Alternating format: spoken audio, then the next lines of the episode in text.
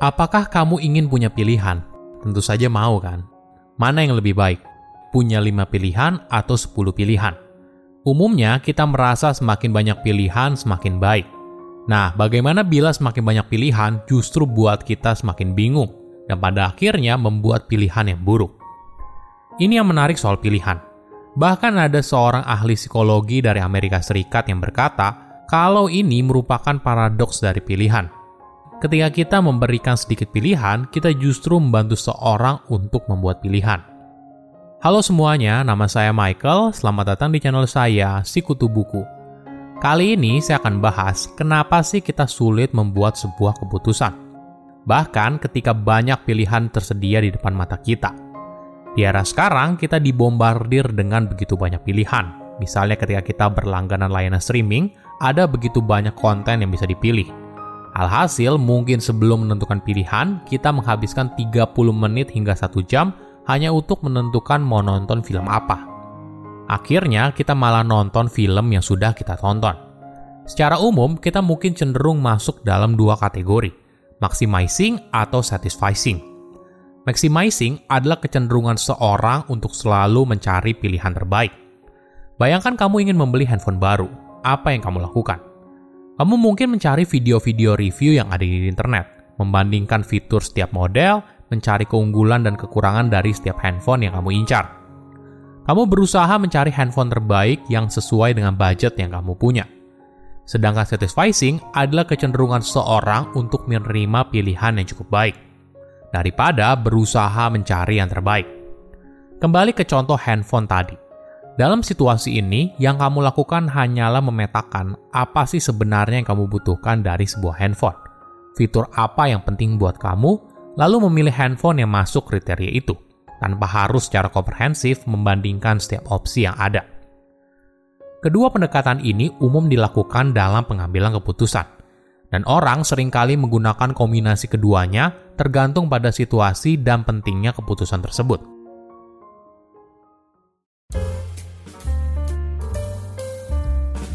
Mana yang lebih baik? Apakah maximizers atau satisfier? Mungkin secara umum kita diajarkan kalau semakin banyak pilihan maka semakin baik. Di satu sisi, ketika kamu secara komprehensif membandingkan setiap pilihan yang ada, maka mungkin saja kamu menemukan pilihan terbaik. Tapi realitanya, hal ini boleh dibilang hampir mustahil. Kenapa? Karena ada batasan dalam hal pemikiran seorang, waktu yang ada, dan usaha yang diperlukan.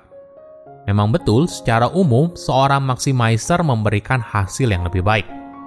Sebagai contoh, sebuah penelitian menemukan bahwa lulusan perguruan tinggi dengan kecenderungan maximizer menerima pekerjaan yang memberikan gaji awal 20% lebih tinggi dibandingkan rekan-rekan mereka yang cenderung satisfier.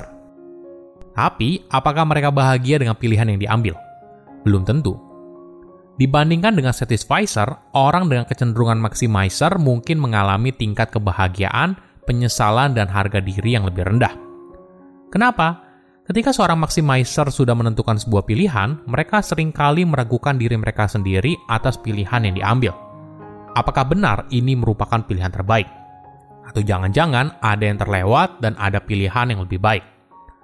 Mereka juga sering terjebak dalam membandingkan diri dengan orang lain untuk mengukur seberapa optimal keputusan yang diambil. Ada sebuah parodi yang menarik. Bayangkan seorang yang membuat pengumuman kalau dia menikah, tapi dia tidak bilang kalau dia sudah menemukan belahan jiwanya. Tapi yang dia katakan adalah saya berhenti mencari pilihan yang lebih baik dan puas dengan pasangan saya yang sekarang. Ini memang cara yang buruk dalam bicara soal cinta tapi jika kamu memutuskan untuk menikah, beberapa mungkin berpendapat hal ini sah-sah saja. Karena ketika seorang menikah, mereka seharusnya berhenti mencari pilihan yang lebih baik, dengan kata lain menjadi satisfier.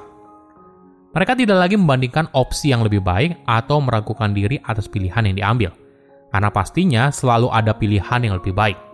Tapi apakah pilihan itu membuatmu bahagia?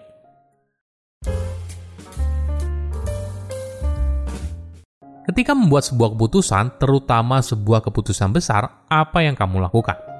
Mayoritas mungkin perlu waktu untuk menimbang opsi yang ada, dan ini sangat wajar. Tapi, bagaimana bila setelah menimbang semua opsi, kamu justru jadi bingung harus memilih yang mana? Setiap opsi tentunya tidak 100% bagus, ada sisi baik dan buruknya. Alhasil, kamu banyak menghabiskan waktu berpikir soal opsi yang ada dan tidak memilih sama sekali. Apakah situasi ini familiar? Tipe overthinking ini punya nama dan dikenal sebagai analysis paralysis. Jadi, analisis paralysis adalah ketidakmampuan seorang untuk mengambil keputusan karena terlalu memikirkan suatu masalah. Ketika kamu memiliki terlalu banyak data, kamu jadi sibuk membandingkan kelebihan dan kekurangan masing-masing pilihan – Gak akhirnya kamu tidak bisa menentukan pilihan. Contohnya begini, sudah mendekati jam makan siang, terus kamu bingung mau makan di mana. Lalu kamu mencari review restoran di internet. Setelah mencari hingga satu jam, kamu masih belum tahu mau makan di mana. Alhasil, karena kamu sudah lapar, kamu tidak jadi pergi lalu makan mie instan di rumah. Bukan cuma soal pilihan yang kecil, Bahkan ketika kita memilih keputusan dengan resiko yang lebih tinggi, misalnya pindah kerja, membeli rumah, memilih pasangan hidup, dan sebagainya, kamu sulit mengambil keputusan karena kamu takut kalau kamu mengambil keputusan yang salah. Padahal kamu sudah membandingkan sisi baik dan buruknya.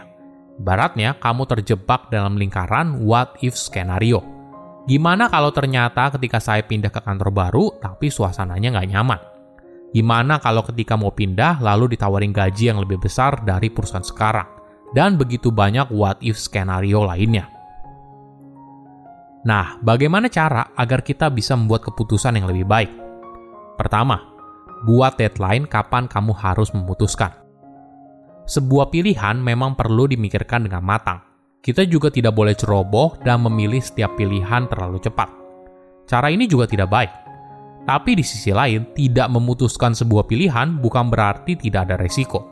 Kita mungkin saja kehilangan peluang, waktu yang berharga, dan sebagainya.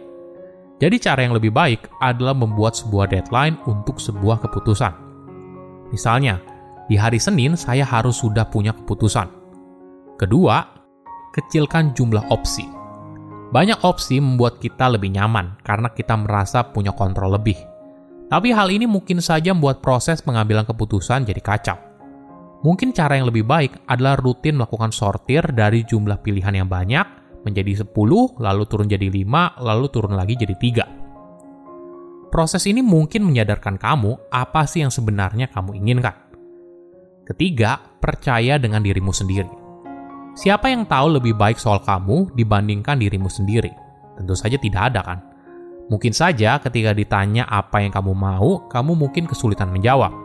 Tapi sebenarnya jauh di lubuk hati, kamu tahu apa yang kamu mau. Cobalah berusaha untuk dengarkan suara tersebut. Mungkin saja suara ini bisa membimbing kamu menuju apa yang kamu inginkan. Silahkan komen di kolom komentar pelajaran apa yang kalian dapat ketika tahu informasi ini. Selain itu, komen juga mau tahu informasi apa lagi yang saya review di video berikutnya. Saya undur diri, jangan lupa subscribe channel YouTube Sikutu Buku. Bye bye.